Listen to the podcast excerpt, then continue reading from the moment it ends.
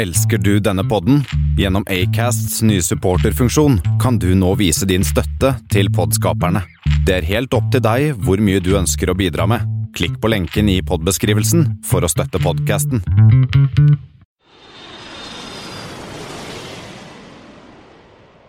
Hei og velkommen om bord på Flypoddens flight 21. Det har i dag blitt eh, 26. juni. Og vi eh, er litt spredt i dag. Kristian er hjemme på det varme Østland, mens jeg eh, sitter i Tromsø og spiller inn. Men det gjør jo ikke så mye, for i dag har vi jo et lengre intervju. Kristian, du var jo på tur her tidligere i uka. Jeg skulle jo være med på det òg, men eh, pga. et eh, togkaos uten like, så holdt jeg meg i Drammen, og så fikk du dra inn til Oslo alene og snakke med en veldig spennende gjest. Ja, vi skulle jo prøve noe nytt, for vi, vi, vi har jo på en måte kjørt en standard podkastoppsettet med to menn som sitter og prater. Eh, enda er noen damer òg, men ofte er det to stykker som sitter og prater. Men vi skulle gjøre noe nytt, hadde vi tenkt siden det var sommeren. Og ha sånn, tre stykker som skulle prate litt. Og da hadde vi eh, fått med oss eh, Hans Jørgen Elnes, som er eh, en, en, ekte flyekspert. Eh, han får faktisk betalt for å være flyekspert og rådgiver, og har jo jobbet i Qatar Airways og i Varig og, og Ryanair og litt av hvert. Så vi hadde tenkt at vi skulle ha en god uh, prat, oss tre. Men uh, så ble jo du stuck i Drammen, og da var det bare meg da som dro inn og snakket med Hans Jørgen. Men vi hadde en veldig, veldig fin prat. Ja, og Hans Jørgen, det er jo morsomt sånn folk så utrolig kunnskapsrike og har vært med på så mye moro i flybransjen. Eh, det er jo som du sier, vi, vi, leker jo litt eksperter, og vi har jo eh, sikkert et greit kunnskapsnivå, vi, Christian. Men Hans Jørgen her, han tar det til neste nivå. Ja, og altså, Når vi sitter og snakker om Willy Walsh og Michael O'Leary og Abu al-Bakar, sånn, så har jo Hans Jørgen har jo møtt alle sammen. Uh, og han sa jo litt, litt om et par av dem uh, off, uh, off mic også, som vi nok ikke kan kan gjenta, for det var noen ting jeg off mic. Men kan ikke vi bare høre på den lille samtalen som jeg hadde med Hans Jørgen? da, Thomas? Ja, da sitter jeg altså her med en vaskekte luftfartsekspert. Thomas og jeg, vi er jo litt sånne eksperter på, på, på, gøy. Men du er jo en ekte ekspert, Hans Jørgen. Så sitter jeg her med, med Hans Jørgen Elnes, Elnes sorry, administrerende direktør i Winair. Ja. Eller?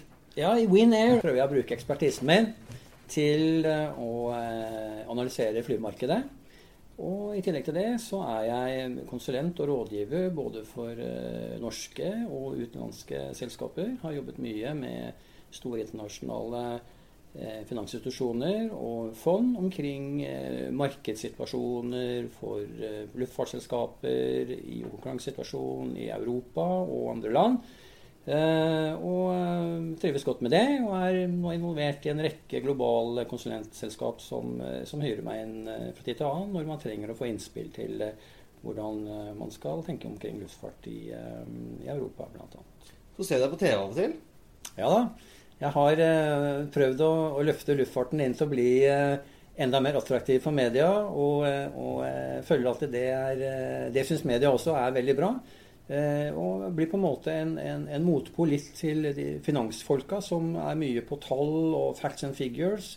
Mens jeg kommer inn og har vært i bransjen i lang tid og kan se kanskje bilder på et litt annet vis, og kan forklare kanskje noe overfor seere og lyttere på en måte som, eh, som er lett forståelig. Hva skjer egentlig med, med Norwegian og Lufthansa og IAG og alt dette her som folk syns er veldig spennende, tror jeg. Ja, for du har, som du sa, du har en ganske lang og bred erfaring fra luftfart. Kan du bare ta sånn kjapt sånn CV-en på, på, 20 sekunder? Ja, og, ja, jeg skal gjøre det veldig fort. Ja, jeg, jeg, begynte i luftfart i 1984 eh, i et par norske selskaper, bl.a. BCB, som eh, er forløperen til Norwegian Air Shuttle, som jeg har på en måte vært litt innom eh, den biten nå.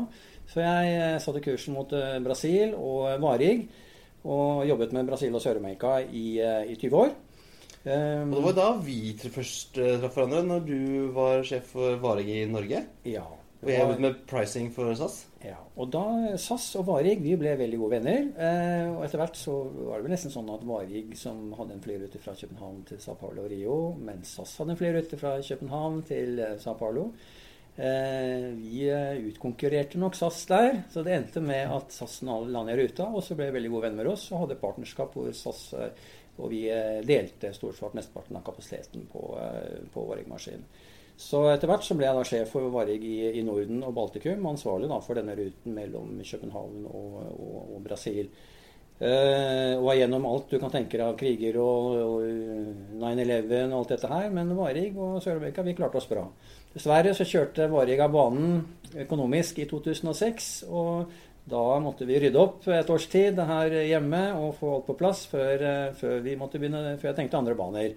Men uh, det gikk bra. Så vi håper jo at det kommer et nytt selskap og fly til Sør-Amerika fra Norden. Det trengs. Heia Norwegian eller Latam eller noen som fikser de greiene der. Og så eh, var det da de gikk over til Ryanair? Nei. Etter uh, eh, 20 år i reiselivet så tenkte jeg måtte prøve å finne på å gjøre litt andre ting. Og da eh, ble jeg investor på egen hånd, og jeg jobbet i investeringsfirmaer og holdt på med det i noen år. Men så kom plutselig muligheten med Qatar Airways. Skulle starte opp eh, operasjoner i Norge, og det tenkte jeg at dette var interessant. Femstjernes eh, flyselskap, verdens beste det måtte vi prøve å få på plass. Så eh, satte opp det, og startet opp de, og fortsatte å få de eh, i god drift.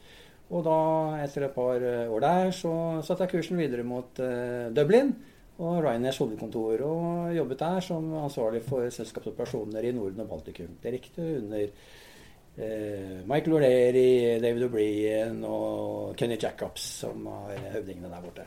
Og, du har jo faktisk jobbet tett på Michael O'Leary. Jeg har jo bare vært borti han én gang eh, på ruteåpningen til Torp.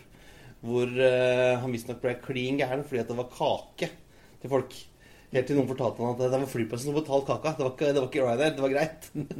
For han er jo en type.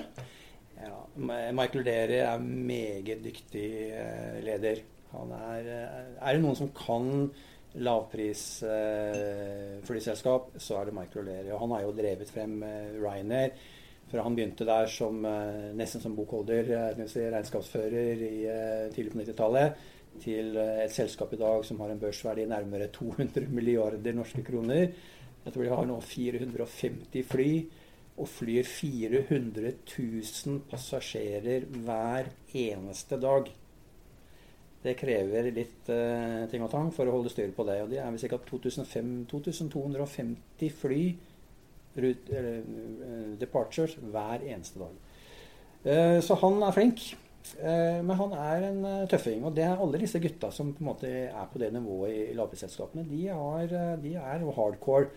Men, men, jeg møtte han nesten hver eneste morgen vi var blant de første som kom på jobb der. Og det var 'Hei, Hans' hver morgen. Og det var 'Hei, Michael' fra meg. Og vi hadde et bra forhold. Men det er klart, du må levere til disse gutta. Og det er litt sånn on stage, off stage, som vi snakket om litt tidligere, Christian. At når, når Michael Derry er på pressekonferanse, han er i, i rampelyset, da er han i den rollen som sjefen for, for Ryanair. Og da har han sitt, sitt, sitt, sin måte å være på. Og den er ganske aggressiv, og han sier hva han vil, og, og uttaler seg eh, merkelig om kanskje om Norwegian og andre selskaper. Men på privaten så er han veldig glad i hester og, eh, og eh, hyggelig å Ta en øl med han, pint Guinness med han. Det går helt fint. og jeg har vært ute og spist middag med han, og det er ikke noe problem der. Og det er humor og fest Ikke, ikke fest, men det er et par øl og, og, og god humor. Men men uh, en tøff kar. Yes. Jeg hørte det var et eller annet intervju hvor han eh, Willy Walsh i IAG sa at uh, Michael Leary veier 90 kilo, og det er 70 kilo i kjeften hans. Ja, altså han uh, Han har uh, Irrer har, har, gjerne sånt de, de, de, like to shout.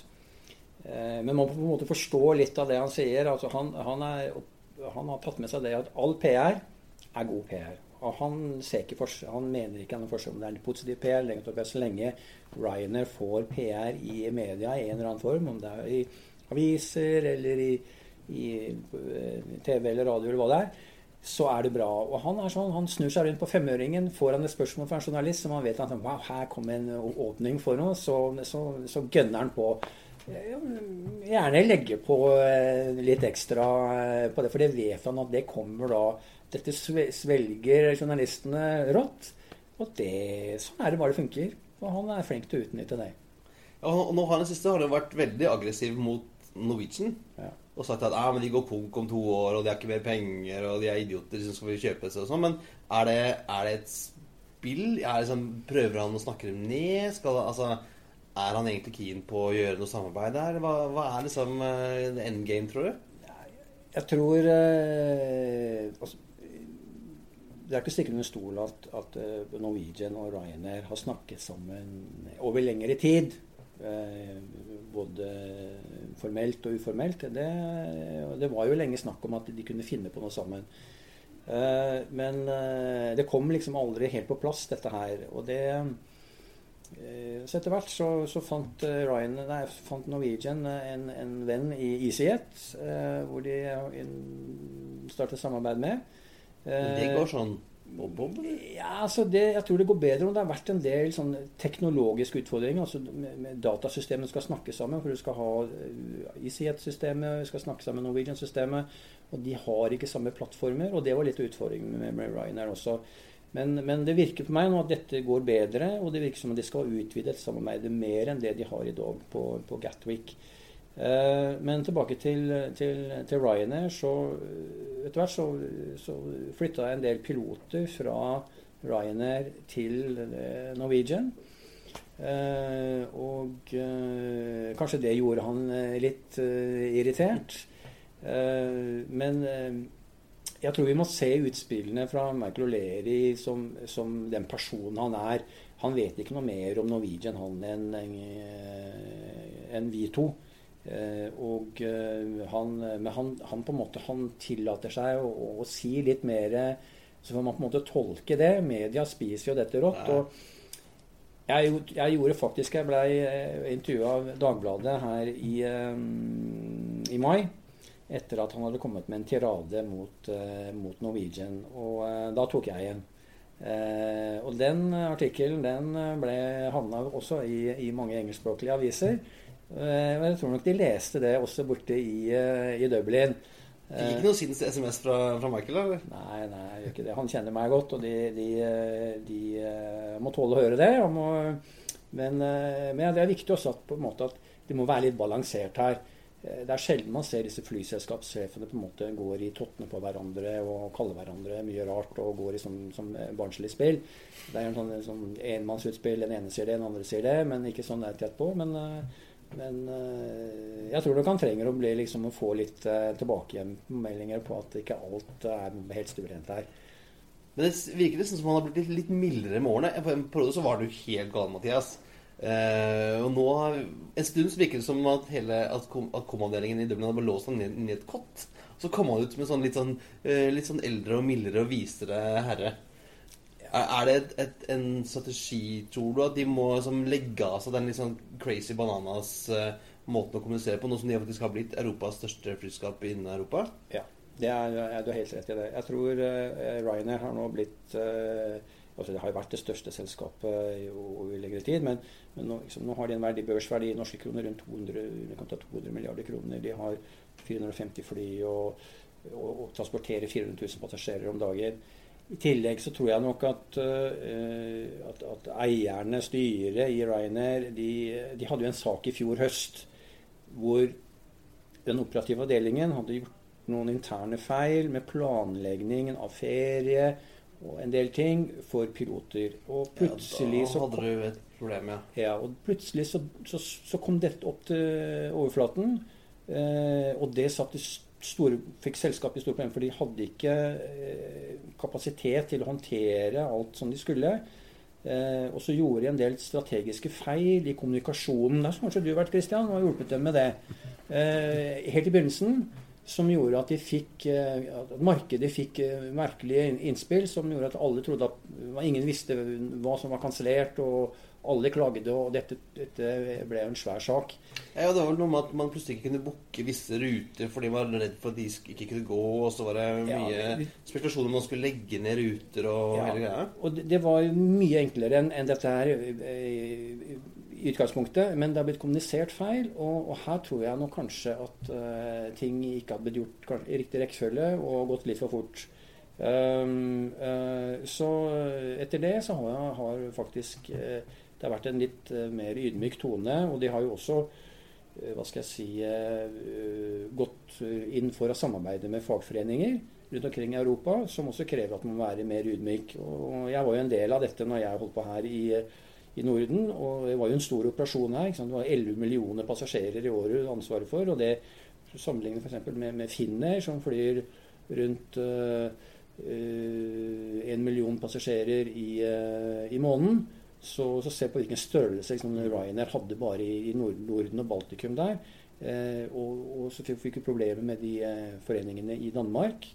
Eh, og det var før Ryanair på en måte hadde liksom, tatt steg at vi ville samarbeide med dem. Da ville vi ikke, og det ble jo skikkelig konsentrasjon. Og det er lang historie, får vi ta en annen gang, tror jeg. Kristian. Men, jeg kjenner godt til danske fagforeninger, for ja. å si det sånn. Så det var, det var hopp potato, tato, det greiene der. Men, eh, men, det har endret seg. De har forstått at de, de, vokser så mye, og de er avhengig av å ha et godt forhold til alle aktører i bransjen nå. Eh, også fagforeningene, fordi at de skal kunne klare å etablere base for i Frankrike. Det får de ikke før de har hatt en avtale med de franske fagforeningene. Eh, og jeg tipper også vi vil se dem i, i Skandinavia om ikke så lenge, og da må de gjøre en avtale med, med, med foreningene igjen i Danmark. Uh, og Der har det allerede vært møte for høyeste hold i Ryanair. Har sittet og tatt og klemma på fagforeningene. Helt utrolig, tror jeg. Men, jeg men veldig fint, uh, for å være helt ærlig, at de har kommet så langt. Så vi vil nok se Ryanair med en base i København, tror jeg. Sommerprogrammet 2019. Da står det mange uh, hvite og blå fly parkert der nede etter hvert. Og Det var vel noe av grunnen til at man la ned personen på Rygge. At man hadde, fikk disse, disse, dette søksmålet og jeg var redd for at man skulle måtte underlegge seg norske eh, arbeidstidsregler og sånne ting. Hadde vel ikke så mye med den flyskatten å gjøre, egentlig? Jo, det var flyskatten som, hadde, hadde, som var nøkkelen som stengte operasjonen på Rygge. Det var ikke Kokka-saken. Den hadde vi allerede sagt at vi ville eh, ta til Høyesterett. Så det var ikke noe problem for, for oss. Og jeg var jo Eh, dessverre så var jo en del av den, eh, den, jobben som jeg var med på, var eh, i hele prosessen rundt Rygge og legge strategien med media og hvordan vi skulle håndtere dette her. Men, men, sannheten er at vi gjorde det vi kunne for å påvirke norske myndigheter. Vi hadde møte med finansminister Siv Jensen, både jeg og David O'Brien, chief commercial officer i, i Ryanair. Vi skrev høringssvar, og vi vi kjørte hardt på, på, alle mulige måter vi hadde for å kunne påvirke for å få denne her skatten bort. Som er kanskje en av de mest forhatte skattene, sammen med plastposeavgiften som, som, var her. Og, og faktumet er jo det at Ryanair Vi hadde ikke tenkt å slutte å fly på Rygge. Men vi skulle ta bort de fire baseflyene vi hadde. fordi at det var ikke regningssvarende å ha de der med den kostnaden som eh, flypassasjeravgiften ville gjøre. Da ville vi ikke kunne være konkurransedyktige på pris. Men vi ville fortsette å fly til Rygge med, med ca. 600 000 passasjerer. Som var da ned fra 1,5 million ca., som vi hadde eh, året før.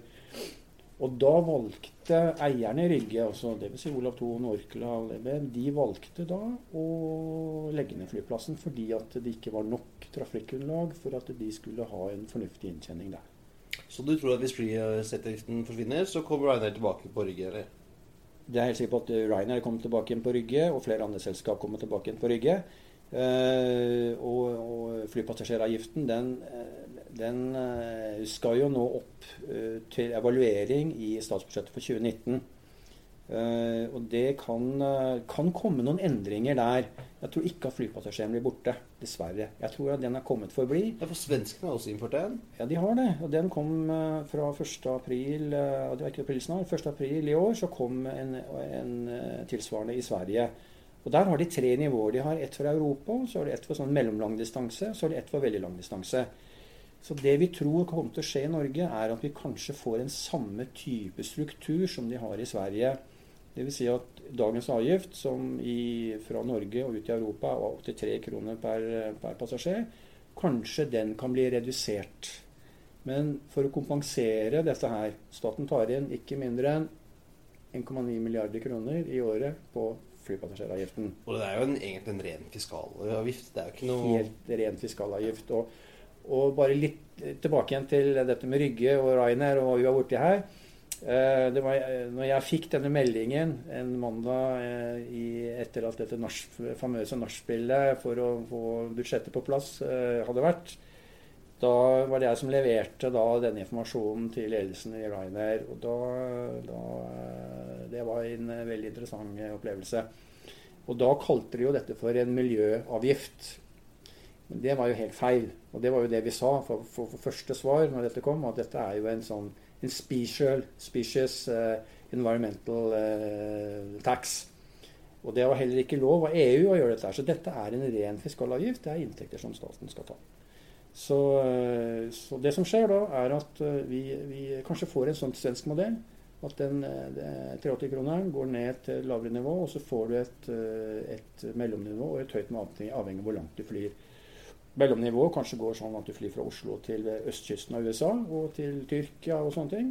Da, da har du en mellomsted, og så får du det høyeste når du skal fly bort til Asia eller til vestkysten av USA. Og Da snakker vi på kanskje 400-500 kroner eh, på den høyeste, og kanskje 250 kroner på den eh, mellomste. og jeg håper så lavt som mulig på den laveste. 40-50-60 kroner. For det ser jo ikke ut som det har gjort at vi reiser mindre. Vi reiser jo bare mer og mer overhodet ikke gjort at vi har reiser mindre. Eh, så denne skatten eh, er helt feil. Det er ikke der man må gjøre det. så det Problemet er at det er de små flyplassene, eh, de private flyplassene, som, som Torp og Rygge, Skavstad i Sverige og en del andre private flyplasser i Sverige, de kan jo få problemer nå etter hvert som, som konkurransen gjør at man ikke kan ta ut den dynamikken i prisen som man gjorde med Rygge. For Rainer ville det vært en ekstra på 50 millioner kroner ekstra i året bare for, eh, for, å, betal, for, for å, betale denne passasjeravgiften. Og det, mm, det er uheldig. Det må, eh, de må finne andre me mekanismer som på en måte uh, man skal belaste flyselskapene med. Og jeg tror SAS, Norwegian og videre de betalte i 2017 rundt 2,6 milliarder kroner bare for å fly innenlands i Norge i skatter og avgifter. Og da er det ikke skatt på inntekt, det er skatter og avgifter som går inn i statssystemet og til Avinor. 2,6 milliarder kroner. Ikke takk at vi ble til London på SAS på 350 sånn Da er det 190 av de er avgifter til staten. Ja. Sånn Men eh, vi, vi, går, vi, må, vi, må, videre i sendingen. Ja, ja, ja, da kjører vi på. jeg har også spørre deg, om, for du har vært, eh, blant annet så har du vært eh, på, på Dagsrevyen og snakket om dette som skjer rundt Norwegian, og et eventuelt oppkjøp. Eh, IAG var jo først ute i april, og så de hadde kjøpt nesten 5 så de ville by på hele. Eh, og nå eh, har jo og, og Bjørn Kjos var jo tidligere sa at han var ikke interessert i å selge, men det var jo andre som var interessert i å kjøpe. Så Norwegian-kursen har jo ligget ganske høyt eh, lenge. Eh, og så kom Lufthansa og sa at jo, de hadde også vært nå i samtaler. Eh, jeg, jeg, har jo personlig tro på at IAG er det beste Eh, jeg tror, jeg tror, Norwegian er bra for IAG, og IAG er god godt for Norwegian. Eh, men nå har jo Lufthansa meldt seg, og det kan jo hende det er andre også eh, som er aktuelle. Og hva tenker du om, om dette, dette, spillet rundt, rundt Norwegian? Det, blir, blir de solgt? Altså, Spillet rundt Norwegian kan du på en måte definere også som spill omkring konsolideringen innenfor flyselskapene i, i Europa. Eh, dette ble gjennomført i USA for mange år tilbake igjen. Så var det jo masse forskjellige flyselskaper der, og det gikk ikke spesielt bra. Og nå har de gjennomført at de har en tre-fire-fem eh, svære selskaper. Og tjener penger som gress? De tjener penger som gress. Det er de, de milliarder av dollar i nettooverskudd for de største flyselskapene. Det veldig bra for de.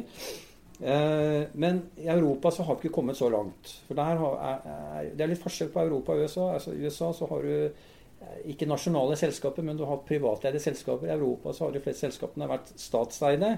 Eh, og vært liksom, the pride of the nation. Og Italia, Italia, og Iberia i Spania, i France, i Frankrike, og British Airways i England, og SAS i Norden. ikke sant?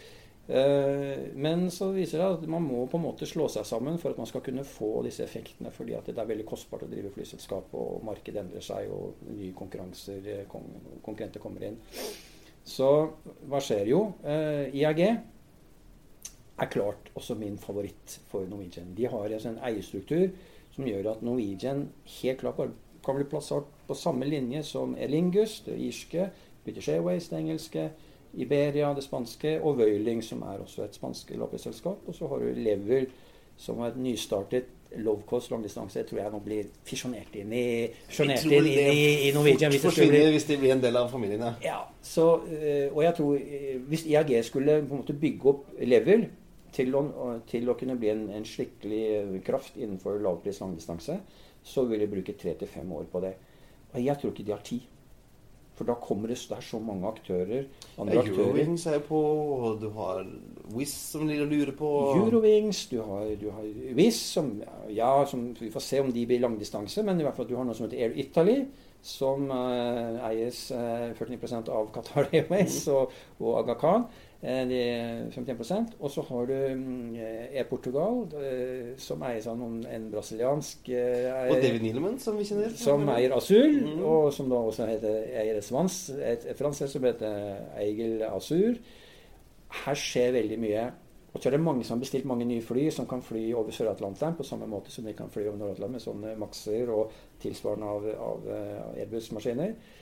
Så jeg tror at IAG må bestemme seg øh, hvis de skal vokse organisk, eller om de skal kjøpe Norwegian. Og skal de kjøpe de, så er en kostnad involvert med det. Eh, hva aksjekursen er i dag. I dag har den visst falt veldig mye pga. at det har vært noe greier i, i media i Viken om at Russland fremdeles ikke vil gi rettigheter til å fly i Sibirkorridoren. Og, og vi vet ikke hvordan det kommer til å gå. og Jeg tror det kommer til å bli vanskelig for å få den rettigheten uansett. Men så du ser man det er veldig volatilt. Men det betyr ikke noe. Det er Bjørn Kjos og, og, eller eh, styret og de som håndterer dette her, de vet nok hva de vil ha. Men spørsmålet er om Willy Walsh ønsker er villig til å betale så mye. IAG tjener bra med penger, og de har et, det vi kaller et avkastningskrav til sine selskaper som ligger på mellom return av investorkapital mellom 12 og 15% årlig. Og Norwegian ligger jo langt, langt, langt, langt, langt unna det. Og skal de kjøpe de, så, så snakker man om en, en total kostpris på 60 milliarder kroner. Hvorav kanskje noen av 20 milliarder kroner i mm. kontanter, som da skal være som tilsvarer en, en, pris rundt 400 kroner per aksje. Og det er jo veldig bra for de som har aksjer i Norwegian nå. Men, men spørsmålet er er de villige da, til å betale så mye. Vi har jo sett andre selskaper mm. som har kjøpt opp, kjøpt seg inn i Air Berlin og Alitalia, som Etihad, og gått forferdelig gærent. Det var en sånn der, Vi snakker om uh, winners curse. Altså den som Når du har en, bud, budkrig eventuelt, så vil den som kjøper, all, nesten alltid kjøpe for høyt. Ja, og jeg tror Men jeg tror altså Norwegian er jeg har sikkert hørt meg sagt til media tidligere, og jeg syns Norwegian de har drevet seg frem veldig bra. Det er et veldig bra selskap. Det er en bra ledelse. De har vært veldig lojale til forretningsmodellen sin. Bjørn Kjos og toppteamet og alle andre i Norwegian har gjort en kjempejobb. De ligger fremdeles foran eh, alle andre når det gjelder lavpris langdistanse. Og det tror jeg IAG er interessert i å ha. Men, men så, alt har en pris, og spørsmålet er om de er villige til å betale så mye. Og jeg, jeg er kommet dit at jeg tror Norwegian, uansett hva som skjer nå, så vil det være et annet Norwegian i løpet av 2018 hvis ikke det, de blir kjøpt opp. Eh, vi snakket litt om Lufthansa og, og Eurowings. Jeg ser egentlig ikke hva, hva, skal de med, hva skal Lufthansa med, med Norwegian? Egentlig, de har Eurowings, og så har de Brussels Airlines. Men de vil gjerne fusjonere Eurowings og Brussels Airlines. Men det er litt vanskelig. For disse belgierne de mm. ønsker å de beholder brandet sitt, og de vil ikke bli en del av det, så de sliter litt med dette her. Så jeg skjønner, skal de påta seg et tredje selskap? Så jeg sa at dette er litt taktikkeri av Karsten Spor, som er CEO i Lufthansa. Som jo er en smarting? Han er en smarting. Og han, eh, han, eh, han gjør som Michael Lerry, han skyter med grov kaliber. Og han, eh, det er jo faktisk sånn da, at når han kom med denne uttalelsen her mandag for en ukes tid siden, så skulle det være styremøte i Brussels Airlines på tirsdag. Og hva de snakket om der, det vet du ikke helt. Det kunne jo være andre ting. Le, politikerne i Italia de skulle bestemme om alle Italia skulle fortsette å få statlig støtte, og hvor lenge. Det var på onsdagen. Og så har vi IAG. Kanskje han vil gi et spark til uh, Willy Walsh uh, om at uh, ja, Lufthansa, vi følger med, og du skal ikke føle deg sikker at du kan bare plukke opp Norwegian når du vil. Og han svarte jo at ja, ja, hvis Lufthansa vil betale så mye penger, så vær så god for dem. Liksom, det er jo et, ja, hva, skal, hva, skal, hva skal han si noe annet? ikke sant? Så, så, så Lufthansa de følger med, og det er klart de, de er en del av konsolideringen i Europa. Det har de jo gjort. Men de har mest vært veldig fokus på Alitalia. For det italienske markedet eh, det har jo, er kjempesvært, og Ryanair er det største der, utrolig nok, men det er det. Eh, men Tyskerne vil gjerne inn der, men de vil ikke inn i Alitalia sånn som det er i dag.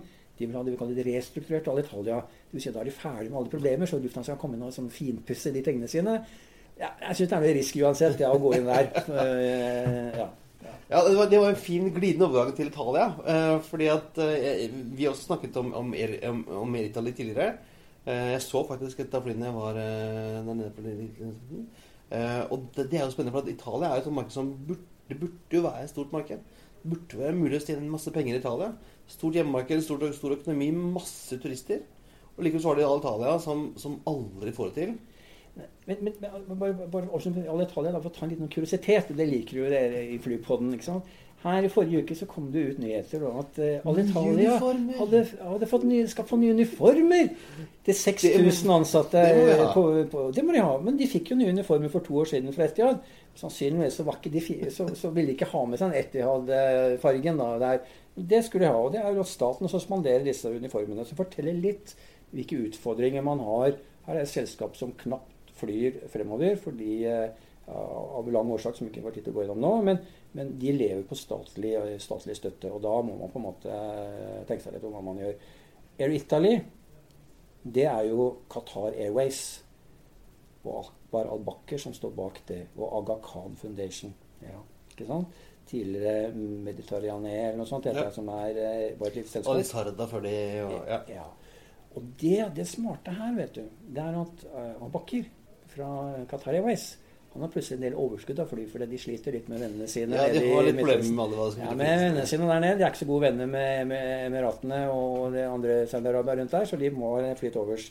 Så han går inn og tar et small cap-selskap hvor nedsiden er next to nothing, oppsiden er enorm. Så nå skal han fòre inn da Air Italy med pent brukte uh, Qatar Airways-fly de har 14 fly allerede. I løpet av tre år så tror jeg de skal ha over 50 fly. De får en drøss langdistansefly fra, fra Qatar. De får masse nye Boeing 737 Max, der de der 737 mm. kan fly fryktelig langt. Så det blir en reell konkurrent. Og du vet, det lille Qatar de har jo sånn, de har litt sånn stormanns... De vil bli litt store. Og ikke kan bli store der nede, så blir de store andre steder. Men ikke sant? Qatar Airways, eller Qatar, eier også 20 av IAG. Ikke sant? Det er eh, mye greier her som, eh, som, eh, som Ikke sant? Eritali vokser fort. Kan det bli en IAG-partner? Kan det være Ikke sant? Ting skjer. Derfor er luftfart veldig dynamisk, og jeg syns det er veldig spennende å følge det så tett som jeg gjør, gjør i dag. Ja, det er, veldig, det er veldig spennende tider i dag. Altså, det er, uh, Janne Karlsen snakket jo om uh, at SAS skulle være one of five in 95. og den har en konsolidering har tatt litt lengre tid, men det skjer jo ting. Vi har denne grupperingen rundt eh, Lufthansa, vi har grupperingen rundt eh, Colombia France, og vi har IAG. Mm. Så har vi alle disse andre. Så har vi, har vi jo uh, Ryanair, EasyJet og Norwegian og Wizz Air. Ja. Og Wizz Air har vi jo en sånn som har ligget litt under radaren, i hvert fall i Norge. Veldig. Men uh, ligger jo der og er omtrent på størrelse med Norwegian. Ja. Uh, kun, og kun med, med kortdistanse. Ja. Og eies jo bl.a. av disse Indigo Partners.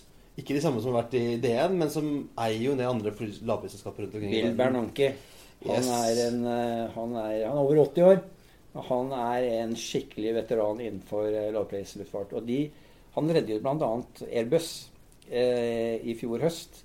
Når de ikke fikk solgt noen flere A380 til Emirates, og de lurte på hva de skulle leve av fremover, så, så klinte Wilmer Nonke Indica Partners og bestilte tror jeg, over 400 fly på Dubai Airshow. Eh, og de skal til uh, Wizz Air. Og så skal de ned til et selskap nede i, ikke så langt unna Argentina som heter Chile. Til noe til JetSmart, mm. som skal ha et par hundre av de, og et par hundre av de skal til Wizz Air. Så disse selskapene de eh, er veldig godt drevet, og så har de kjempekapital bak seg med Indigo Partners. Og, og, og Wizz Air vokser fortere enn Norwegian i antall si, passasjerer. Så jeg har jo sagt at jeg tror i løpet av 2019 så er Wizz Air på halen til Norwegian i form av av eh, antall passasjerer. Fordi de flyr så mange korte ruter, mens Norwegian flyr nå mange lange ruter. Så da vil eh, man, eh, man spise litt på passasjervolumet, mens ASK, altså total kilometer eh, som man flyr, det vil Norwegian nok kanskje øke på. Ja, og Det har jo vært noen måneder hvor de faktisk har vært større enn Norwegian har vært den tredje største i Europa. Så det, er jo sånn, en sånn, en sånn liten, følger vi litt med på flypodden. Eh, en siste ting mm. før vi går ut i solen, eh, det er eh, Etihad.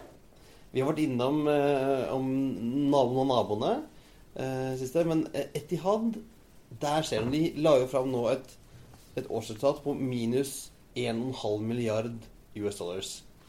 Eh, og det var sånn året før, og det var litt bedre enn i fjor, for da var det 1,9 milliarder dollar i, i tap. Eh, og oljeprisen har jo gått litt ned. Det er, sånn, begrensa hvor mye penger Abu Dhabi kan dytte ut i selskap. Jeg hører også at, at folk som flyr med de, sier at det er ikke så premium som det var eh, før.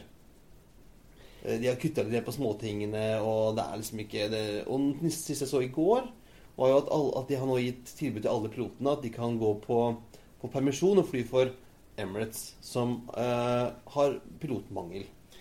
Ja, altså jeg har, jeg har jo vært gjennom når Varig, det brasilianske selskapet som ikke var eid av staten, og det er viktig å få med seg, det var et privateid selskap som var børsnotert. Eh, og vært og sett på hvordan liksom, deres eh, descend mot, eh, mot the final destination eh, gikk. Um, eh, det tror jeg nok ikke Etihad er noens final destination, men tar kort her.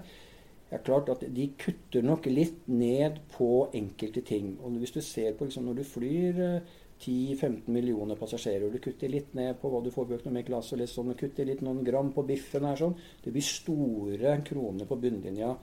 Så jeg tror nok de har fått beskjed om å, å, å redusere litt. Og de har jo gått skikkelig altså, flydd, flydd seg bort med Alitalia og, og Air Berlin. Eh, good, good Intentions hadde eh, Airline Equity Partners, som er da den delen av Etihad som, som investerer i flyselskaper, som nå drives av en nordmann som kanskje du Robin, kjenner. Robin Kamark, som jeg Kamark, sa noe før, ja. Men Istedenfor det var litt sånn at eh, ingen som ville ha oss med i en allianse, vi bare kjøper vår egen, vi. Litt sånn som Swissair gjorde. Og det var planen deres. De, skulle, de, skulle, de kunne ikke vokse nok organisk. De måtte kjøpe selskaper for å, få, for å generere mer revenue og flere eh, destinasjoner. Når de fløy til Frankfurt, så kunne de ha eller Berlin, så kunne Air Berlin fly de overalt og andre steder. Og så har de, de har Air Serbia, de har Air Seychelles, de har Virgin Australia. Og så har de eh, Jet, eh, Jet Airways India, som er jo et bra selskap, men alle de andre har litt sånn La oss kjøpe det raskest som ingen vil ha. Så, så her har nok eh, gass og olje eh, Altså for mye kapital drevet dette her i frem. Og de to skikkelig bomkjøpene de gjorde, det var, eh, det var jo Alitalia og, og Air Berlin. Eh, som de ikke fikk til. Alitalia var, eh, er jo ingen som har fått til. Og, og jeg vet ikke om Ingen som kommer til å få til Nei, jeg, jeg, Det er veldig komplisert. Det, der. det er veldig fagforeningsstyrt. Og de, de har uh, en kultur som, som er veldig italiensk. Og det er jo et godt selskap, det er ikke det, men, men, men det er vanskelig å endre på det. Vi trodde kanskje de skulle klare det med Air Berlin, men de klarte ikke det heller. Fordi Air Berlin ble sånn midt imellom. Var det lavkost, eller var det sånn hybrid, eller var det, var det fullserviceselskap, sånn som eh, man ser kanskje som SAS her? Man fikk ikke helt til det der. Og så eh, gikk det gærent. Men dette med piloter, det er at nå har alle pilotene i, Emirates, eller i Etian, de har fått en mulighet, hvis de har, eh, hvis de har lyst, ikke alle selvfølgelig, men noen som kan søke om å få fly i, i Emirates i en toårsperiode. Da beholder de da den lønna de har i Etiad, og de beholder alle andre benefits. Men det er ikke bare bare å flytte, selv om det er kort vei fra Abu Dhabi til eh, Dubai. Ja, For det er vel noe sånn som Var det 130 km mellom de? Mellom eh, de to? Ja, men bare sånn er det, Når du skal begynne i Emirates, da, de er jo med også veldig kvalitetsorientert. så Da må du sånn konverteringskurs, og du må ha opptreningskurs. og Det er, det er jo ikke bare sånn å flytte seg, ta med seg uniformen og sette seg i flyet og fly neste dag fra, fra Dubai. Lang prosess. Så, men det, det jeg også vet, er at Etihad eh, vurderer om de skal på destinasjoner hvor de flyr sammen med Emirates. At de kanskje samordner kontorene sine. Sånn som bl.a. du husker fra Star Alliance med SAS og andre, hvor de har ett kontor. Eh, felles markedsaktiviteter, og kanskje har coacher. Kanskje de justerer kapasiteten seg imellom. Eh, det har også vært snakk om at skal de slå seg sammen. Ikke utenkelig. Og, for nå kommer det jo en ny flyplass til Dubai. Ja. Og den er jo enda nærmere Abu Dhabi. Ja. Så den kom, som jeg skjønte, så ligger den omtrent midt imellom eh, Dubai og Abu Dhabi. Da er det jo, nest, det er jo helt tullete egentlig å ha to store globale selskaper. Jeg er enig, jeg er enig med deg i det. Men, men igjen så har du den nasjonale stoltheten. Qatar er jo også et veldig lite land som ligger tett på, på Emiratene. Men eh, det er klart at ting endrer seg nå innen luftfarten. Før så var det et naturlig stopp å ta Midtøsten, og så kunne du fly hvor som helst østover. Veldig veldig bra connection til Australia, Asia, India, alt. Men nå kommer jo alle disse eh, langdistansemaskinene som kan fly hele veien fra London til Sydney, Mm. til Brisbane, til alle steder. Og så kommer det disse mindre eh, single-air, sånn 737-type, og Airbus 320-serie, så kan man fly altså, nesten like langt som gamle jumbojeter gjorde. Og da mister kanskje litt av den huben i Midtøst, altså rundt Gulfen. Kanskje ikke den blir så attraktiv og det, er, som den har vært tidligere. og Konkurransen blir tøffere. Og det gjør at eh, de kanskje må tenke annerledes. Og den prosessen har de nok begynt med. Mm. Derfor også er Italy med Qatar Airways bl.a., tror jeg. Ja, det, blir, det blir eh, uansett eh, Jeg tror det blir en veldig spennende sommer innenfor vår, eh, vårt eh, interessefelt. Derfor Flypodden ikke tatt sommerferie. Vi kommer til å kjøre hele sommeren. Eh, og hele det som kommer til å skje nå i, fram til 2020, egentlig. Det er veldig veldig spennende. Jeg tror det, Vi må vel kanskje ut i høsten se at det, et eller annet må skje med Norwegian. Blir det, det nesten, blir det et salg? Blir det ikke et salg? Jeg tror ikke de kan gå rundt og, og lue så lenge. Tror, Eller være i spill så lenge. Jeg tror at uh, den 12. juli er en spennende dag. For, og da skjer Da er uh, halvårsresultat fra Norwegian. Akkurat. Og Men det trodde vi jo når det var Q1 også, men det skjedde jo ikke noe da heller. Nei. Men eh, jeg tror det blir veldig spennende å se på de tallene som Norwegian legger frem den eh, 12. juli. Eh, og eh, det tror jeg det er flere andre store aktører som, eh, som eh, ser på det. Jeg, jeg, jeg tror også man kanskje tenker, resonnerer litt sånn at eh, per i dag så ser jo kanskje ba- til Norwegian ser litt rufsete ut. Rimelig høy gjeld. Ja, men, og og veldig økning i kostnader og alt dette her. Men når man husker på det at Norwegian har på en måte vokst ekstremt fort, og kanskje er det raskest voks- voksende flyselskapet i verden. Og nå når de også middags, ikke middagshøyden, men de når cruise level, som vi sier på vårt fagspråk. Altså rundt 36 000 fot, er vel det sånn 40 000 fot. Nå er Norwegian der de skal være, og nå skal de begynne å finjustere effektivisering, kostnadskutt og, og inntektsoptimalisering. slik at nå kommer ikke disse store kostnadene fremover. De har de tatt nå til og med juli. Akkurat som vi snakker nå, så er nå, nå når Norwegian høyden sin. Og da, Det er det Bjørn Kjos mener med at nå skal de begynne å høste. Så vi er veldig spent på å se om det har vært litt sånn tidlig høst for uh, høsting for, uh, for halvårsresultatet i den 12. juli. Og kanskje også Willy Walsh og IAG sitter og ser på det. Hvis det kommer en si noen bra tall her, kanskje et incitament eh, De er på riktig vei.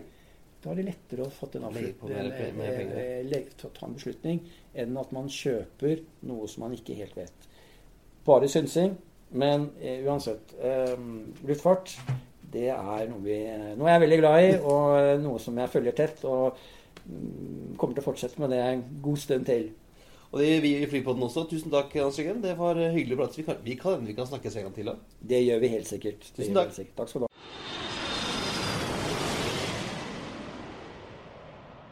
Og her, Christian, her var det mye snacks å bite seg merke i. Ja, altså, vi hadde jo satt av ca. Vi vi hadde to, satt av to timer. eh, men eh, vi, vi kunne holdt på en hel dag, altså. Så jeg tror Og, Og eh, Hans Jørgen var jo så åpen for det. Sa han at vi kan nok ta en prat til med han. Så vi skal nok ta en ny prat. eh, og da skal vi prøve først å få med oss alle tre, eh, Thomas. Ja, det er godt. det er godt, For vi legger det utenom da når det er buss for tog på, på Drammensbanen. Ja, jeg hørte det var en som, eh, som prøvde å få innført dette buss for tog som et slags uttrykk for ting som var Ja, det var, det var ikke helt som det skulle være. Så denne middagen den var litt sånn buss for tog. Ja, herlig, herlig. Yes, nei, men eh, skal vi si at eh, det er alt for denne uka? Det er det, og vi er vel eh, tilbake igjen neste uke. Vi har, tar som, kjent ikke sommerferie, men vi tar litt sånn en liten ny vri på ting. Eh, hvis du har et tips, eller vil sponse oss, eller vil fortelle oss noe, eller vil kjefte på oss, så sender du en mail til hallo at freepod.no.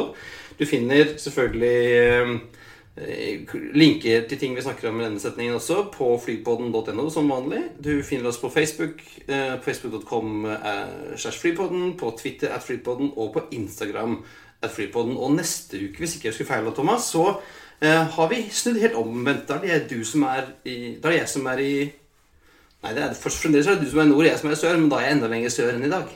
Ja, det stemmer. For du drar vel på ferie du nå, Christian? Jeg er på ferie, så neste sending blir fra, uh, blir fra poolside, for min del i hvert fall, uh, på Lanzarote. Herlig. Da sier vi takk for nå, og på gjenhør neste gang.